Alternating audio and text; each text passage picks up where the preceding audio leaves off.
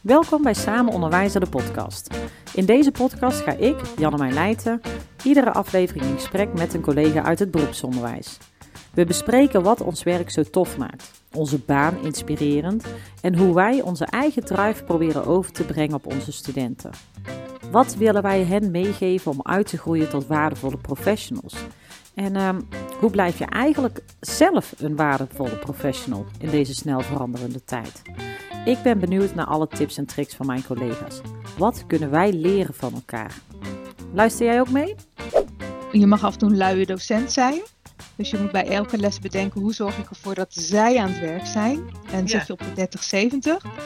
En ja, mijn andere motto ehm, heb ik eigenlijk ook van mijn eigen leermeester, is zonder relatie geen prestatie. En tweekracht is eigenlijk een soort, uh, een soort, het is een coachmethode. Uh, het zijn inmiddels heel veel human impact spellen, maar het is eigenlijk begonnen met een spel waarin uh, je erachter komt welke twee dingen kenmerken van je het meeste energie geven. Het zorgt er eigenlijk voor dat je met twee woorden een soort kompas krijgt waarin je weet, hey, hier krijg ik energie van, dit is mijn stuur. Als ik zo rij, dan, dan straal ik, dan heb ik energie. Welkom bij weer een nieuwe podcast van Samen Onderwijzer. Mijn naam is Janne Leijten en tegenover mij zit deze keer Rianne Kramer. Hoi Rianne, wat fijn dat je er bent. Graag gedaan. Leuk dat ik er mag zijn. Ja, heel tof. Wij hadden net in de voorbespreking al heel kort over van wij werken eigenlijk al jaren samen. We zien elkaar regelmatig rondlopen, maar echt kennen doen we ook eigenlijk uh, niet. Hè?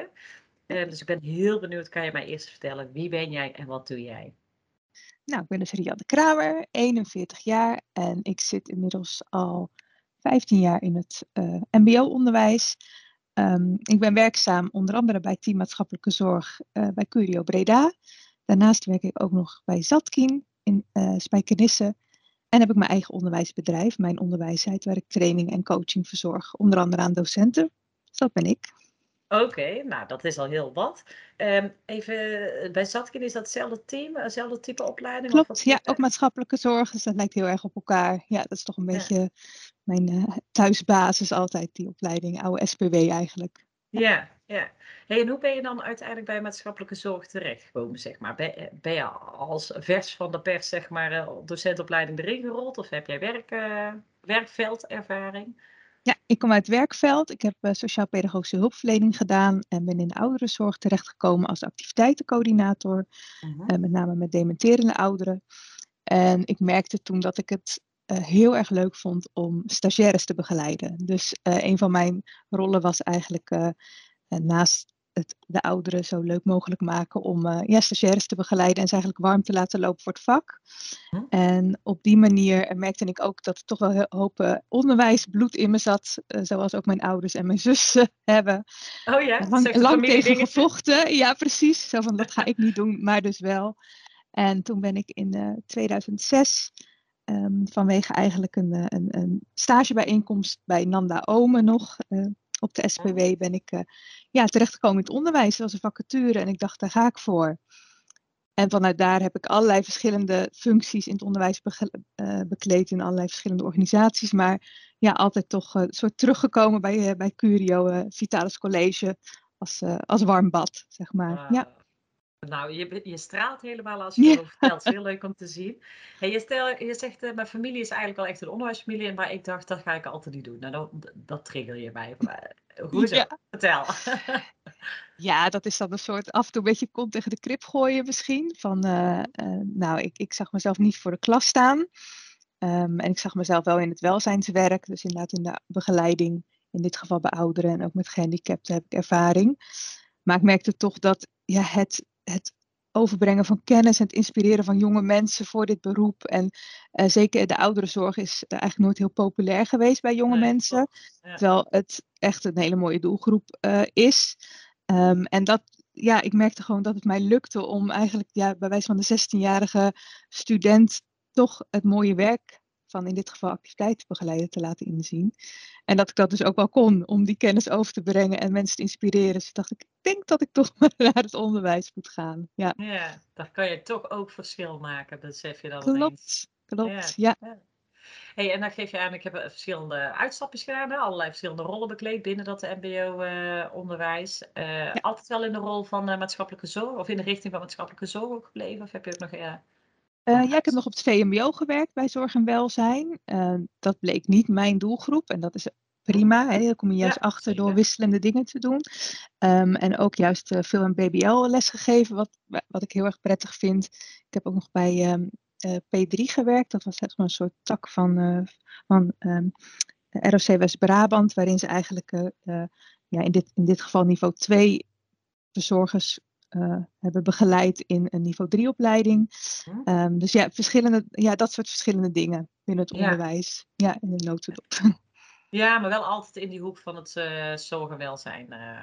Ja, toch wel. Ja. ja. Als docent in ieder geval wel. Ja, precies. Trainer anders, maar ja. Ik wil zeggen, want dan heb je het nog over je docentenbaan. Dan hebben we het nog over Curio. Je bedoelde al, tegenwoordig zit je ook bij Zatkien op dit moment. En je hebt je eigen bedrijf. Ja. En dan kon je nou ook nog zeggen als trainer, maar dat, valt dat onder je bedrijf? Of, of ja, hoe je, past dat er weer tussen? um, ik uh, geef met name um, training aan nieuwe docenten. Ik heb bijvoorbeeld recent uh, een frisse starttraining afgerond bij Curio. Bij een groep van uh, elf docenten van ICT Techniek. Okay. Startende docenten die zeg maar instromers zijn. En um, dat doe ik vanuit mijn eigen bedrijf. Dat zijn zeg maar docenten die dan nog niet met de PDG zijn gestart. Met hun pedagogische aantekening. Maar al wel gewoon een, uh, een basis krijgen om voor de klas te staan. En ik coach ook gewoon veel docenten in het algemeen. Docenten bij burn-out of bore-out, maar ook in een, uh, ja, in, bij een PDG bijvoorbeeld. En dat doe ik eigenlijk bij meerdere colleges. Dus daar zit ik wel uh, uh, bij meerdere MBO's. Kun je me vragen, zeg maar, om te begeleiden, te coachen en te trainen en workshops te geven. Um, ik werk onder andere ook nog voor de LOE, waar ik ook onderwijsontwikkeling doe, modules schrijf en dingen nakijk. Dus het is wel allemaal binnen het onderwijsleven, vooral het MBO. Waar ik dan ook natuurlijk mijn eigen passie heb en die graag ja, overdragen ook aan startende docenten met name. Zo, maar het is wel een diverse werkweek. Ja, ja, en Ik, uh, ja, ik hou van afwisseling. En te veel, uh, nou, dat heb ik ook gemerkt, is niet altijd goed. Dus ik ben ook steeds meer aan het kijken van, nou, waar ligt nou, waar ligt nou echt mijn passie? En net goed als ik dat aan um, studenten wil overdragen, kijk ik daar ook bij mezelf naar. Van, ja, waar ligt nou echt mijn kracht? Wat, wat kan ik het beste en waar kan ik anderen blij mee maken? En um, ja, dus het zit met name ook in die coaching en training gewoon van, uh, van docenten die soms vastlopen of juist verder willen komen of uh, leuke ideeën hebben. Ja. Hey, ik hoor jou zeggen van de basis, je geeft bij startende docenten de frisse startcursus. Ja, ja? klopt. Ja. Geef je de basis eigenlijk al mee voordat ze met een pedagogisch didactisch getuigschrift uh, starten. Ja. Wat is dat volgens jou? Welke basis moet een docent dan ook echt hebben, wil je kunnen starten? Ja, dat is natuurlijk een goede vraag, want daar zit ook altijd een klein beetje mijn eigen visie op. Ja, hè, van wat denk ik nou dat goed is. Uh, uh, van tevoren vraag ik altijd wel wat mensen hun eigen leervraag is. En daar stem ik mijn mhm. training op af. Dus ik ben erg van het maatwerk. En doe je maar dat op ik... individueel niveau, zeg maar, van de, van de docenten die je begeleidt? Of is dat ook vanuit de organisatie? Welke belangen zij erbij hebben? Nou, het is eigenlijk en-en. Het is uh, vaak een combinatie van, ja, iemand is gestart, de PDG begint bijvoorbeeld over een half jaar. En dan loopt al iemand vast op iets. Uh, het is ook gewoon echt de leervraag vooraf. Dus voordat ik de training start, kunnen ze aangeven van wat wil je in ieder geval terug laten komen. En dan komt gewoon mijn eigen sausje, wat ik eigenlijk belangrijk vind, daar overheen. En ik werk met name met de zes rollen van de docent. En die werk ik afhankelijk van de grootte van de training uit. Dus dan ga ik echt, ik begin echt bij wat is een goede gastheer, gastvrouw. Hoe ben je een goede presentator? Hoe vang je de aandacht? Uh, hoe zet je pedagogische kwaliteiten in? Hoe zorg je voor je klassenmanagement? Hoe ben je als didacticus? Welke werkvormen zet je in? Hoe sluit je een les af? Hoe check je of studenten het hebben begrepen? Hoe hebben ze gewerkt? Proces en product. En de leercoaches, ja, welke vragen stel je aan een student om ze aan het denken te zetten en eigenlijk regie te hebben over een eigen leerproces. En vanuit die zes rollen van de docent heb ik allerlei werkvormen die ze dan ook meteen praktisch kunnen toepassen. En ik ben docent, dus ik zeg ook altijd als ik een training geef, alles wat ik doe in deze training kun je ook in je les gebruiken. Um, en ik zeg ook net zo goed tegen iemand, vind je het goed om even je telefoon weg te doen?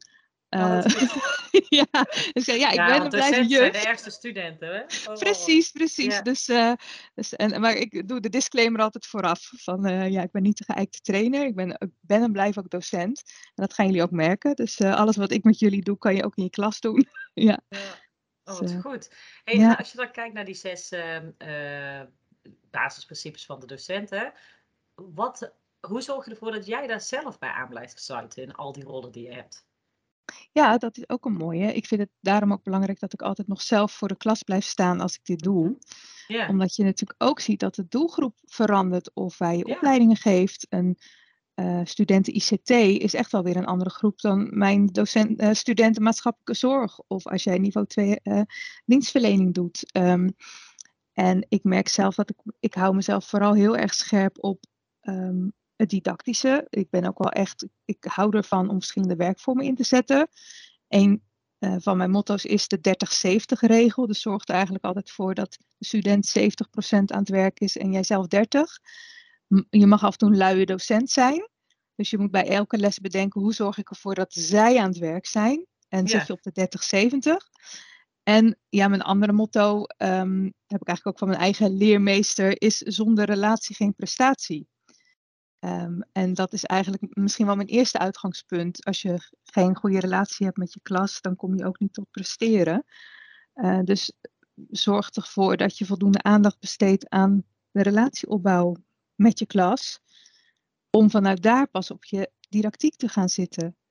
Ik schets dat ook altijd heel mooi met een, met een boom, waarin je zeg maar als basis de veilige leeromgeving hebt. Ja. En pas vanuit die veilige leeromgeving kan je naar een een krachtige leeromgeving didactisch gaan. Um, je kan nog zo'n goede docent zijn. Je kan misschien prachtig vertellen over allerlei protocollen in de zorg. Of je kan nog zo goed vertellen hoe je een muur bouwt. Maar als studenten niet geïnteresseerd zijn, dan haken ze af. Dus ja, ja het is echt een samenspel. Dus wat is dan nog de meerwaarde Zeker. van dat jij er staat? Hè? Ja. ja, En, en ik ben ook kritisch op mezelf. Dus ik, ik kan ook naar mezelf kijken. Stel, ik heb een training. Ik heb ook, ook recent wat opleidingen achter de rug. Van hoe ben ik zelf? Bij COVID-tijd mhm. waren die ook online. En dan zie ik mezelf ook op mijn telefoon kijken of een beetje tekeningetjes droedelen um, tijdens een uitleg van een eigen docent. En dan denk ik, oké, wacht even, wat gebeurt hier? Als ik nu mijn eigen studenten zie, wat, wat gaat hier dan niet goed genoeg om ja, je gemotiveerd te blijven? En dan ga ik weer nadenken van hoe zorg ik dat bij mijn eigen lessen dat het beter kan. Ja. Zelfreflectie is een groot goed. Ja, ja, ja. Nou ja, er zijn de studenten niet altijd met ons eens. Hè. Ik weet niet, uh, misschien heb je daar nog tips voor mij. Maar uh, hè, als ik het wil reflecteren op mond neem, dan beginnen ze al van, oh, moeten we weer. Ja. Maar ik ben het wel heel erg met jou eens. Je moet ook kritisch naar jezelf kunnen kijken. Zeker. Ja. ja.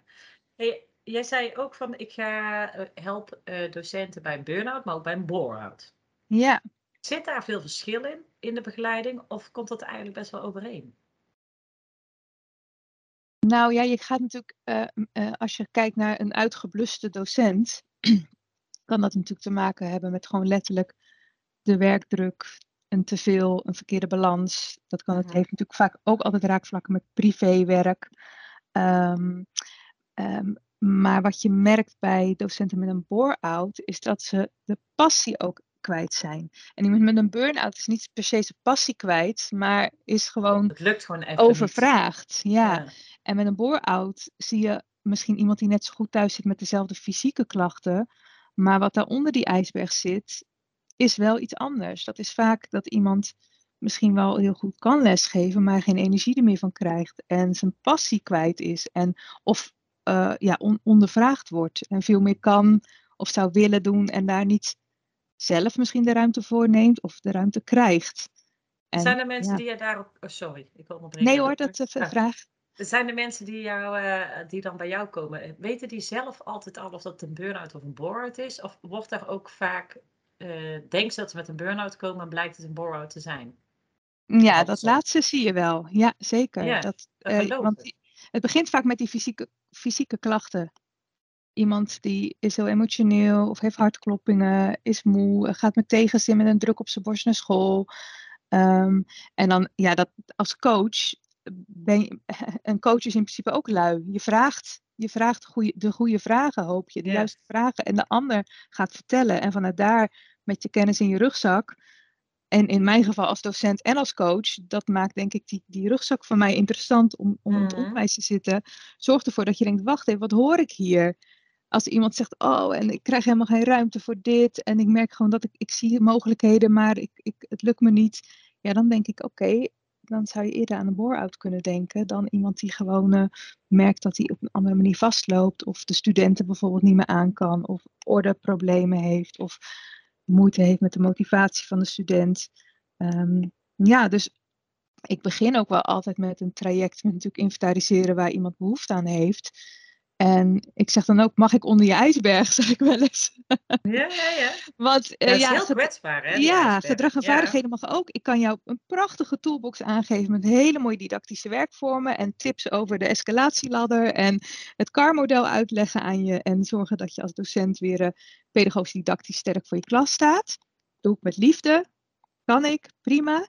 Dan ben je daarmee geholpen. Er vaak iets onder, precies. En, en ik heb wel eens iemand gehad die zei van nee uh, ja, daar ben ik al mee geholpen. En dan denk ik, dat is goed. En dan komt diegene zich misschien op een ander moment weer tegen of niet. Dat hoeft ook niet. Soms is die praktische tool al voldoende. Um, dat merk ik bij de frisse start. Als je echt vanuit het werkveld start in het onderwijs en je denkt van ik ga eens even mijn kennis lekker overbrengen. En je merkt ineens, oh wacht even, er komt hier meer bij kijken. Dan kunnen die praktische tools al echt voldoende zijn om te starten. Maar ja, als je fysiek eh, uitgeput bent, dan vraagt het wel wat anders. En dan ja, dan komt de coach Rianne om de hoek kijken. En dan, uh, ja, dan komt Tweekracht om de hoek kijken, NLP om de hoek kijken, de voice dialogue, dan gaat mijn andere rugzak open, zeg maar. ja. ja, net zo interessant. Ja. Zeker. Hey, eh, eh, het is wel grappig, want ik heb eerder dit seizoen, en die komt ook, uh, die staat als mensen dit horen ook al online, een uh, podcast opgenomen met Bart de Wijs van de Rotonde. Van de, van de observatieklas. En zijn boodschap was ook eigenlijk heel de rode draad van het gesprek was heel duidelijk. Werk aan de relatie. En dat hoorde ik jou net ook zeggen. Werk aan die relatie. En dat geldt voor jou dus sowieso met je student, maar ook met je coaches, met je docenten die jij begeleidt. Hoe, wat is het verschil tussen werken aan de relatie met de student en werken met de relatie vanuit jouw coachende rol met een docent? Mm. Ja, dus ga ik eens even denken wat ik dan voor me zie. Is er überhaupt een verschil? Nou ja, dat is een, het heeft heel erg met vertrouwen te maken. Dat is het eerste wat in me opkomt. Het heeft te maken met de veiligheid ervaren. En uh, wat daar een verschil in is, als je een klas voor je hebt, dus stel je hebt een klas met 25 jongeren en je begint daar met je relatie opbouwen, omdat je niet meteen de één op één, dan heb je altijd te maken met de veiligheid in een klas en met de groepsdynamiek. En dan kan één op één kan je prachtige gesprekken hebben en dan een hele mooie relatie aangaan. Maar in een klas kan het dan ineens een hele andere dynamiek krijgen. Vandaar dat die groepsdynamiek zo grote rol speelt in die relatie. Ja. En bij een coachie en één op één, dan merk je meteen iemand heeft iets met je of niet. Iemand voelt zich vertrouwd of veilig bij je als coach. En als dat niet zo is, is het ook oké. Dan is dat misschien net niet die match op, die, op dat moment. Maar ik merk dat dat, ja, ik wou niet zeggen makkelijker gaat, maar dat is voor mij wel natuurlijk. Transparanter misschien. Jazeker, ja. ja. Um, uh, daar zit ook nog bij, kijk, je wil altijd authentiek in jezelf zijn, maar je hebt wel als klasse waar je echt even moet denken, oké, wacht even, ik moet even al mijn klassenmanagement uh, skills in gaan zetten, want uh, anders krijg ik de klas niet stil. Hè, dan moet je soms wat harder werken.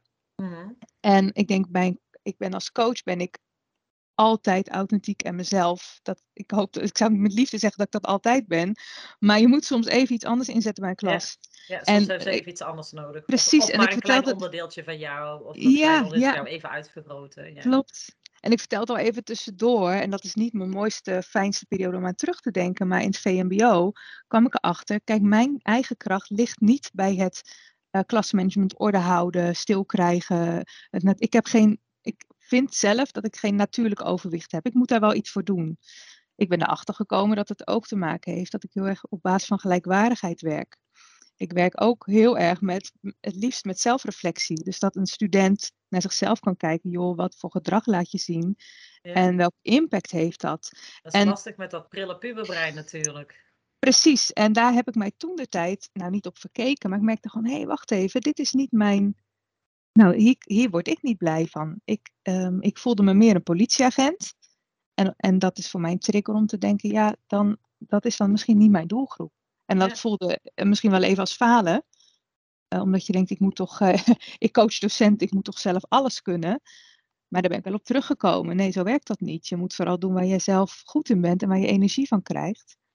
En dat zit er bij mij niet in de rol van, um, ik wou zeggen weer politieagent, want dat is het natuurlijk niet, maar wel het...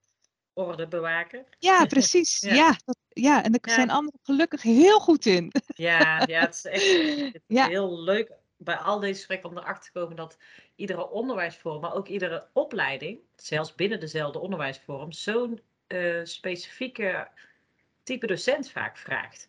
Klopt. En, hè, want je zegt al, de uh, collega's bij ICT Techniek, als jij die begeleidt, die hebben andere skills misschien zelfs wel nodig voor hun studenten. Dan de collega's die jij bijvoorbeeld bij maatschappelijke zorg begeleidt, want die weer een heel ander type student hebben. Dus dat, ja, ja ik, ik, daarom hou ik van beroepsonderwijs. Ja, ja, het is zo divers en er zoveel verschillende niveaus en verschillende sectoren en opleidingen. Maar ja, allemaal uh, richting uh, dat, dat vak, hè? Die, die vakbekwame ja, professional. Dat wil. Ja, dat, ja. En je benoemt al iets moois, hè? Dat verschil tussen bijvoorbeeld ICT en zorg en welzijn. Jij komt zelf ook uit die zorg- en welzijnswereld, mhm. volgens mij. Um, en als je kijkt naar, eh, wij, ik zeg even wij, wij van zorg en welzijn, hebben natuurlijk een heel erg helpend hart. Um, Als een student met een rugzakje binnenkomt en die uh, heeft problemen, dan kunnen wij eigenlijk vanuit ons oude beroep vaak heel veel oplossen of uh, doorverwijzen of doen. En moeten wij juist soms uh, op, op die zorgrem gaan staan van wacht even, dit hoort eigenlijk niet bij mij, dit moet ik doorverwijzen. En, maar je bent in, als SLB'er zie je ook dat, dat de collega's van zorg en welzijn heel erg veel op de sociale vaardigheden zitten en heel erg op het reflecteren en dingen met elkaar doen. En als ik dan zo'n groep van, nou ik noem nu even techniekdocenten, die even uh, zonder voorkennis binnenkomen, heb ik het dan over.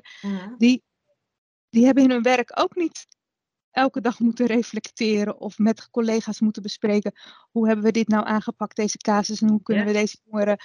Um, dus daar, daar, daar zeg je echt heel duidelijk een verschil. En eh, als ik, ik heb ook veel aan beeldcoaching gedaan. Het verschil bij filmen van de SLB-les van de een of de andere is ook een wereld van verschil. En, uh, ja, dat geloof ik. ja. En wat zij daar natuurlijk vaak goed is, een bepaalde orde ze hebben. Zo, uh, kijk, waar studenten warm van worden, is mensen met een mooi verhaal en werkveldervaring. En ik bedoel, een hybride docent bijvoorbeeld, dat is natuurlijk prachtig. Iemand die nog met, met één been in het vak staat en dan zijn, zijn, zijn uh, verhaal kan vertellen aan studenten. Ja, dat werkt bij iedere opleiding wel goed. Ja, ja, ja. Dus, uh, ja. ja, terwijl ik wel ook het idee heb dat, uh, dat uh, skills van de docenten bij de verschillende opleidingen wel steeds dichter bij elkaar komen te liggen. En daarmee bedoel ik dat bijvoorbeeld, ik geef nu het vak ethisch handelen. Ja, dat is in het zorg en welzijn natuurlijk. Hè, ethiek, uh, ethisch, en, ethisch en integer handelen is natuurlijk bij ons hartstikke belangrijk, want je werkt met mensen. Zeker. Maar de ICT kan er ook niet meer onderuit. Want die werken ondertussen met alle data van mensen, wat hè, soms uh, zoveel waard is. Die moeten daar ook over na gaan denken. En ik sprak... Uh, gisteren ook voor een opname Alfons Hering. En hij is dus bijvoorbeeld bezig met de soft skills in de oh, bouw. ja, mooi. Weet je wel? Van waarom het zo belangrijk is om ook die soft skills in de bouw in te zetten. Dus het begint wel. En andersom, wat je zegt, hè, van de week sprak ik de schoolpsycholoog uh, van Curio. En zij gaf ook aan van Ehm, waar de ene opleiding bij wijze van zegt, ja, dat hebben wij niet, wij hebben geen problemen, zelfs niet met COVID. Studenten zitten thuis, maar dat gaat allemaal goed. Daarvan denken jij en ik waarschijnlijk, dat kan niet. Uh, Maar andersom, wij bij Zorg en Welzijn trekken pas veel te laat aan de bel. Wij blijven zeg maar heel lang zelf redden, want de helft van ons, als het niet meer is, is, is of was zelf hulpverlener. Ja, klopt. Soms zelfs met die specifieke doelgroep. Dus ja het, wordt volgens mij steeds meer duidelijk dat juist die combinatie tussen die verschillende type docenten bij de verschillende opleidingen zo waardevol is. Ja. ja. Mooi samengevat, ja. En, en, dan, uiteindelijk krijgt, uh, sorry, iedere docent die bijvoorbeeld een PDG doet, en dan heb ik het nu weer even over die startende docent, krijgt diezelfde basis gelukkig mee. Dus dat is wel fijn, maar ja, nee, uh, maar stel ja, je, je trekt soms ook gewoon een bepaald type docent aan bij een bepaald type opleiding. Hè? Ja. Ehm, maar goed. Ja, wat ik me nog afvroeg, want jij noemde ook twee krachten. En daarin, ja. um, uh, jij werd genomineerd door student, hè? dit is een mhm. primeur. En niet dat er nooit uh, door studenten wordt gezegd, ik heb een goede docent. Maar dit was, zijn zelfs oud-studenten. En die gaven aan, die hadden de podcast geluisterd. Zeiden, oh, mogen wij ook niet iemand nomineren? Want wij hebben iemand die Ja, is nog steeds de beste docent die we ooit hebben gehad. Nou, dat was jij dus. Ja, super heel verrassend ook voor mij. Ja, ja, en zij benoemde een paar dingen dacht, daar waarvan ik dacht, en dat benoem jij nu zelf ook, daar wil ik meer van weten. Dat was inderdaad die relatie. Dat was een van hun dingen, hè, waarom zij jou zo tof vindt. Maar ook inhoud, ook didactisch sterk. Maar ook, zij gaf ook aan dat jij werkte met tweekracht. Klopt, ja. En ook wel eens dus bij hun als studenten. En daar ben ik benieuwd, wat is tweekracht? Wat is tweekracht? Ja, ja tweekracht is eigenlijk een soort uh, nee, niet een soort. Het is een coachmethode. Uh, het zijn inmiddels heel veel human impact spellen, maar het is eigenlijk begonnen met een spel waarin uh, je erachter komt welke twee dingen kenmerken van je het meeste energie geven. Het zorgt er eigenlijk voor dat je met twee woorden een soort kompas krijgt waarin je weet, hier krijg ik energie van, dit is mijn stuur. Als ik zo rij, dan, dan straal ik, dan heb ik energie. En uh, het is ook al gebaseerd uh, op een aantal psychologische modellen en er zit echt wel een kleurenmodel achter, waarom veel mensen kennen het van bijvoorbeeld Lumina en DISC, DISC Discovery Insight. Alleen het verschil daarin vaak is, is dat er wordt gekeken naar gedrag, van waar is iemand goed in en, en wanneer uh, zit je lekker in je werk bijvoorbeeld. Precies, ja. Laat je dan en, zien? Inderdaad, dus dat is hartstikke mooi, want die kleurenmodellen ben ik ook zeker fan van. Maar wat ik zo mooi vind aan tweekracht, is dat ze eigenlijk e, in het begin uitgaan van de ideale wereld. Dus als je het speelt met iemand, dan ga je zeggen van wat als je in een ideale wereld en alles is mogelijk. En je mag doen wat je wil en al het andere wat je niet leuk vindt, wordt, wordt, door, wordt door anderen gedaan waar krijg je dan de meeste energie van? En dan krijgt iemand op gevoel keuzes. Ik noem maar wat. Krijg je dan vooral energie van onderzoeken of spelen? Krijg je vooral energie van uh, dat het eh, zin moet hebben of dat het um, uh, nuttig moet zijn? Um, en doordat je iemand echt op gevoel laat beantwoorden waar die energie van krijgt, komt er vaak een hele andere uitslag uit dan dat je zou vragen van waar ben je goed in? In dat dingen kloppen of uh, dat, dat je leiding geeft. En doordat je op energieniveau gaat zitten en eigenlijk op gevoel, durven mensen een soort out of the box te gaan voelen van, oh ja. En wat je dan bijvoorbeeld ziet is, uh, want we werken dan ook met een cirkel, is dat je krijgt van, nou op dit moment is iemand bijvoorbeeld uh, als, als tweekracht in gedrag perfectionistisch en aanpassend. Heeft iemand heel ver gebracht top. Alles is altijd in de puntjes in orde bij bijvoorbeeld deze student of collega. En het is een echte mensenmens. Hij is aanpassend. Hij kan zich goed aan de doelgroep aanpassen. Gefeliciteerd met je mooie gedrag. En dan ga je spelen op energie. En dan komt er bijvoorbeeld dan komt er uit dat iemand uh, improviserend en proactief als tweekracht heeft op energie. En dan is een ander stuur en dan ga je als je kijken. perfectionistisch bent. Die link ik wel aan aanpast, maar bij perfectionisme ja. is het lastiger als je veel dingen ad hoc gaat doen. Ja, en dan, maar dan iemand heeft eigenlijk vanuit zijn gevoel gezegd van ik vind het eigenlijk heel fijn om te dromen en creatief bezig te zijn en eigenlijk gewoon uh, soms een beetje te spelen. Maar dat doe ik eigenlijk heel weinig, want ja, dat wordt altijd wel een beetje tegenhouden en misschien vinden anderen dat niet leuk. En uh, ik heb ook mensen die op echt op leidinggevend uitkomen als ze echt hun hart volgen en volgens zeggen ja, maar goed, wij hebben al heel veel leidinggevende types in het team. Um, dus dat komt nog wel, of zo, ik noem maar even wat. Dus dan ga je echt op onderzoek van hoe zorg je nou dat je meer gaat leven en werken, en dat is een geïntegreerd iets, naar je tweekracht energie. En ja, ze zijn dat allebei. Is het, je gaat, e-, ja, want je gaat nee, eerst onderzoeken welke tweekracht heb jij, zeg maar. Ja, hè? wat is je gedrag? En vervolgens hoort er dan ook bij, of ja, wat is je gedrag, sorry, wat heb jij? Ja, dat klinkt ook zo, maar ja. wat, wat, wat, wat, wat laat jij zien? Wat ervaar jij? Um, maar vervolgens hoort er dan ook bij, oké, en hoe ga je nu de goede kant sturen met dat stuur wat je hebt? Ja, ja. En um, als je echt uitgebreide sessies doet, want dit kan zo klein en groot als je wilt, dan kan je dus inderdaad echt kijken, wat, wat doet iemand in zijn huidige dagelijkse leven en wat zou iemand eigenlijk willen doen als hij zijn hart en zijn energie zou volgen? En hoe kun je daar meer naar gaan leven? En um, het is heel toepasbaar op en die individuen op met boor en burn-out bij wijze van, en mhm. teams. Maar we hebben dus ook inmiddels bij studenten in geïmplementeerd als SLB-tool. Uh, eh, waarin we dus bij de student naar boven hebben gekregen van wat is jouw daadwerkelijke energie, tweekracht. En hoe zet je dat in? Op welke manier? Welke studie, vervolgstudie kan hierbij passen? Welke banen passen daarbij? Met wie zou je in een projectgroep kunnen zitten? En dan in plaats van wat je vaak zegt ook, ik ben heel rood of ik ben heel geel, dan is het handig als ik met iemand die blauw is samenwerk. Uh Zeggen wij eigenlijk juist, eh, nee, zoek maar een, nog een gele op. Want dan gaan jullie shinen. In energie zitten. Ja, en... Uh, en dat is inderdaad wel echt een verschil met Lumina. Daar wordt veel meer gezegd inderdaad van zorg dat je van alle kleuren een beetje hebt en dan, dan ben je er wel samen. Ja, en omdat uh, tweekracht gaat echt om een tweekracht. En als je de cirkel ziet, heeft iemand bijvoorbeeld in groen iets en in rood. Of in geel en in blauw. Um, en dat betekent dat iedereen vaak ook altijd nog wel iets van die andere hulpkrachten in zich heeft. Dus op het moment als je bijvoorbeeld uh, um, bij mij kijkt naar, zit ik in de gele hoek redelijk tegen groen aan. Dat betekent dat ik vanuit mijn creatieve, eigenzinnige kant ook wel goed in staat ben om aan te passen op mensen. En iemand die heel leidinggevend is, heel erg in rood zit, schuurt aan de blauwe kant, waardoor die ook in ieder geval altijd wel consciëntieus is en uh, praktisch ingesteld is. Ja. Uh, en als je dat als stuur gaat zien, jij merkt gewoon dat dat echt wel meer tools krijgt. En ik vind Lumina uh, minstens zo'n fijne uh, manier van werken. Dus het is, mm. het zijn, het is niet een, een uh, de ene is beter of de ander.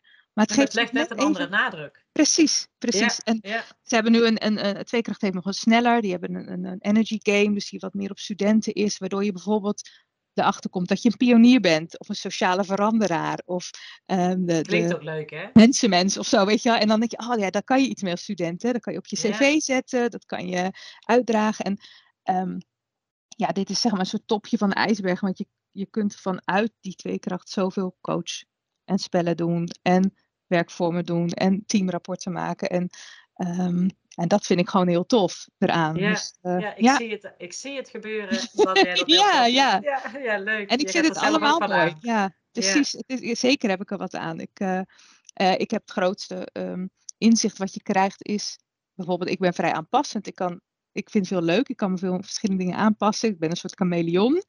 Maar toen ik de vraag ooit kreeg van, krijg je er ook energie van, Rianne? Toen moest ik even nadenken. Denk ik, oh ja, maar het is ook wel eens heel vermoeiend. Ja. Is in dit geval Mieke en Arjen, de oprichters, zijn gaan doorvragen van ja, wat zit dan eigenlijk in die energie? En ik kom erachter dat ik erg verdiepend ben, creatief, eigenzinnig. Uh, en dat ik daarin wel aanpassen als hulpmiddel kan gebruiken, maar dat het niet mijn doel op zich moet zijn. Dus dat doel en ah. middel is ook een hele mooie om uh, ja, hierin mee te nemen. Dus ja, twee kracht. Ik, uh, ik, ik ben fan. Uh, en ik ben ook fan van Lumina, dus dat is. ja. ja, maar wat ik zeg, want uh, ik ben nog wat meer bekend met Lumina, maar wat. wat um, het heeft inderdaad net een andere, andere nadruk, denk ik. En waar Lumina eigenlijk voor mijn gevoel, maar ik ben geen expert. Ik heb vooral gewoon uh, zelf deelgenomen. Um, wat die voor mijn gevoel vooral heel erg zegt, van, nou, als je wil komen tot een goede samenwerking, et cetera, dan ga je juist inderdaad verschillende kleuren samenvoegen, want dan vul je elkaar aan. En wat ik daar ook uit heb gehaald, is als je iets laat zien in je dagelijkse persona, hè, Um, maar niet in je uh, intuïtieve of andersom, dat dat dan hè, dat daar verborgen goud zit. Dus dan weet je, daar moet je ja, iets mooi, mee. Dus ja. dat zit wel bij dat gevoel en bij wat laat je zien. Hè? Dus waar, waar, krijg je energie van, waar denk je dat je energie van krijgt. Um, maar als ik jou zo hoor vertellen, dan denk ik, het zou ook een hele mooie aanvulling volgens mij juist zijn. Want als, waarschijnlijk zal uit de twee kracht zelf de twee woorden misschien is een heel groot verschil komen met je Lumina scan, maar hoe pas je het dan vervolgens toe?